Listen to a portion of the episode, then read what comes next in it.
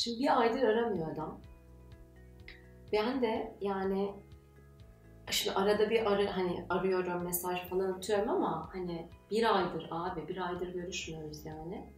Hani biliyorum da nedenlerini. Tamam adam bir yıpranmışlık var önceki ilişkiden falan filan ama yani ben de şey oluyorum ya e, diyorum acaba bu ilişkiyi hani kurtarabilecek miyim yoksa olmayacak mı falan.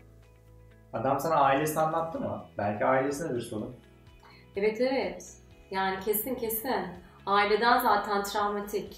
Yani onu biliyorum. Yani adamın neden bu şekilde hani benimle böyle uzun süreli ilişkiye bir türlü cesaret edemiyor falan onları biliyorum. İşte babaanne büyütmüş onu. Söylemiş Hadi be. miydim sana? Hayır. Tabii tabii babaanne büyütüyor. Anne baba o zamanlar yurt dışında çalışıyor. E Evet. şimdi öyle olunca da tabii bunun travmatik şeyleri var adamda. Ama ben de diyorum hani o kadar eğitim aldım, o kadar farkındalık geliştirdim. Yani bu ilişkiyi kurtarabilirim diye düşünüyorum. Bence ya. kurtarırsın ya. Değil mi? Yani sonuçta doğru insan her zaman denk gelmiyor hayatta. Evet. Öyle olsun Yani bu bence. adam da böyle bir sarıldı mı hani gerçekten sevgisini falan hissedebiliyorum. Hani Bence hislerine güven ya. Eğer seviyorsan, hoşlanıyorsan ondan onu Öyle mi kurtarmak için diyorsun? her şeyi yaparsın. Ya bir yandan da neden şüpheye düştüm ben? Aslında ben yine bir ay falan aramasam ben okeydim de. Benim var ya Nalan. Ee, Dedi ki ya kızım dedi sen dedi hep dedi bu ıssız adamlar sana mı denk geliyor? Bunları kurtarmak sana mı düştü dedi. Ay böyle gıcık oldum. Tamam mı? Allah Allah. Evet. Ya ıssız adamsa ıssın abi. Seviyorum ben. bence Nalan kıskanıyor ya. Ha. Yani onu boş versen. Bence ıssız adamı şey yaparsın Evet değil mi? O kendi ilişkilerine baksın. Sanki çok düzgün ilişkileri onun. Aynen. Yani. O adamın bilmem nesi, bu adamın bilmem nesi. Kusuru bulup o da kaç yaşında evde kaldı yani. Bence ıssız adam şey olur ya, düzelir. Yani sen Düzelir değil mi? inanıyorum ben sana. Ben acaba şey diyorum ya, bir tane böyle bir e, çok meşhur şey varmış da koç varmış, ona gitsem. Bu adamı nasıl kurtarırım ben? Onunla bir şey yapsam. Aa bak çok iyi fikir. İyi fikir olur bak değil o. mi? Bence siz Evet. beraber terapiye falan gitsenize. Gelmez. Hayatta gelmez. Benim kurtarmam lazım yani. Ha. Ben kurtaracağım. Ama yaparım ya. Ben de hani Bence güçlü yaparsın bir insan ya. olarak yaparım değil mi? Yaparsın canım bence. Kurtarırım. Ben güveniyorum sana.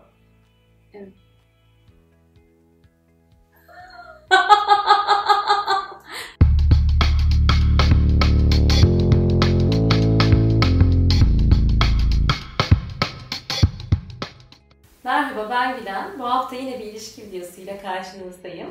Issız adamı evinin erkeği nasıl yaparsınız? Biz kadınlar bir yandan güçlü erkek istiyoruz. Bir yandan da bazen erkeğin istediğimiz gibi olmamasına bir takım böyle kalıplara büründürerek yok efendim önceki ilişkisinde yıpranmış.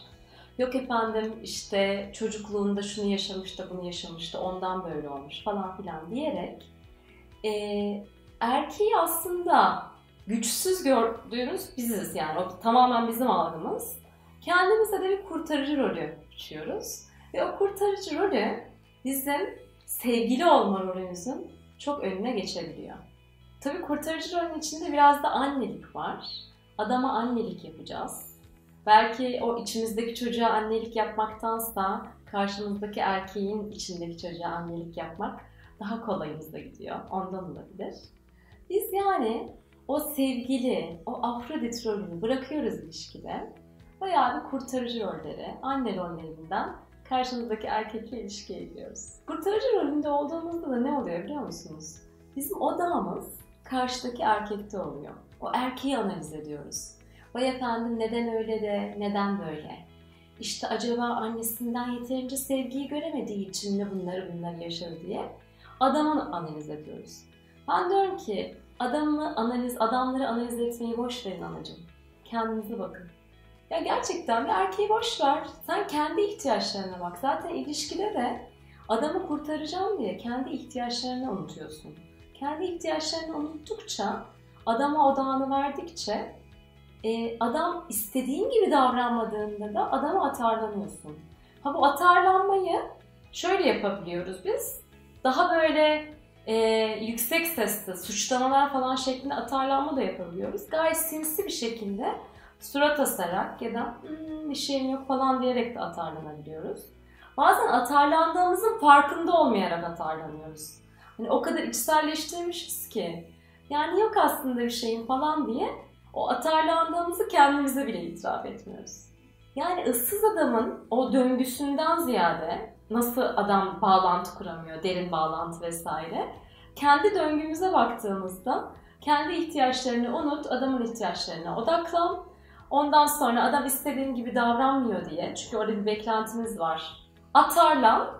Atarlandıktan sonra da adamı suçla. Ya içinden ya dışından şeklinde bir örüntüye giriyoruz. Şimdi bu örüntülere girmeyelim. Ee, biz kendi sevgililik rollerimize sahip çıkalım diyorum ben. Desteklemeyecek miyiz hayatımızdaki erkekleri? Tabii ki destekleyeceğiz. Ama onları sevgililik rolünden destekleyelim. Anne rolünden, kurtarıcı rolünden değil.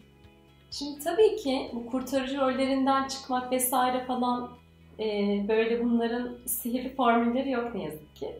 Ama ben yine size 3 tane küçük tüyo vereyim. Onlar sizin için böyle başlamadan minik minik sizi motive etsin. Bir kurtarıcı rolünüze çalışın diyeceğim. Kurtarıcı rolü e, emin olun sadece hayatınızdaki erkekle değil bir sürü sizin ilişkinizde e, göz önünde olan bir roldür. Onun için benim eski videolarıma bakabilirsiniz, yazılarıma da bakabilirsiniz. Kurtarıcı rolün içerisinde geçen videoda bahsettiğim o hiç kabullenmek ve sahiplenmek istemediğiniz tatlı duygu var ya kibir. Kibir duygusu genelde eşlik eder kurtarıcıya. Çünkü kurtarıcı daha iyi bir şeyleri biliyordur. Daha güçlüdür ki öbürüne yardım etsin değil mi? O kibir duygusuyla biraz çalışabilirsiniz. İkincisi rolünüz ne? Yani ilişkide hangi rolleri e, üstleniyorsunuz? O rollerin hangisi farkındalıkla seçtiğiniz roller oluyor? Hangisi otomatik olarak düştüğünüz roller oluyor? Bunu da yani e, çok böyle kalbinizde bilebilirsiniz aslında. Ne zaman e, bir Afrodit gibi davranıyorsunuz? Ne zaman böyle zeka küpü insan olarak davranıyorsunuz? Zeka dolu bir Athena olarak davranıyorsunuz? Ne zaman daha böyle bir anne, anaç tavırla ah canım benim çorbanı da iç ama bak yemeğini yemedin yapıyorsunuz karşınızdaki adama. Bunları bence kalbinizde bayağı bir bilebilirsiniz. Ve üçüncü olarak da öfkeyle çalışın diyeceğim. Diyeceksiniz ki arkadaşım ya ne alaka öfke nereden çıktı yani değil mi? Ya öfkenin şöyle bir alakası var. Biz genelde bu ilişkide kendi ihtiyaçlarımızı unuttuğumuzda e, içinizde kendi ihtiyaçlarını karşılamamaktan doğan bir öfke duygusu gelişebiliyor. Özellikle e, şöyle davranırsan uygun olur, böyle davranmak uygun değildir ile büyütülmüşseniz ki hepimiz yani ya çok ya az ama bir şekilde bu kalıplarla büyütülüyoruz. O zaman e, öfkemizi bize bastırmamız öğretiliyor. Öfke bastırıldıkça da biz ilişkide kendimiz gibi olamıyoruz, otantik olamıyoruz. Bu şu demek değil. Yani öfkeni böyle bağırarak, çağırarak ifade et falan asla demiyorum. Öfkeni fark et, onu bastırmamaya çalış ve onu sağlıklı bir şekilde ifade etmeye yönelik yani deneyler yap, o konuda kitaplar oku, minik minik öfkeni ifade etmeye çalış. Ya da öfkeni illa ifade etmek zorunda değilsin karşıya. En azından bastırmadan bir fark et. Hani öfkelendiğinde ne oluyor? Nefes alışverişin nasıl e, değişiyor? Çünkü öfkeyi bastırdıkça o işte sessiz atarlanmalara doğru giden yolu biz bayağı bir açmış oluyoruz. Peki son olarak ne mi diyorum?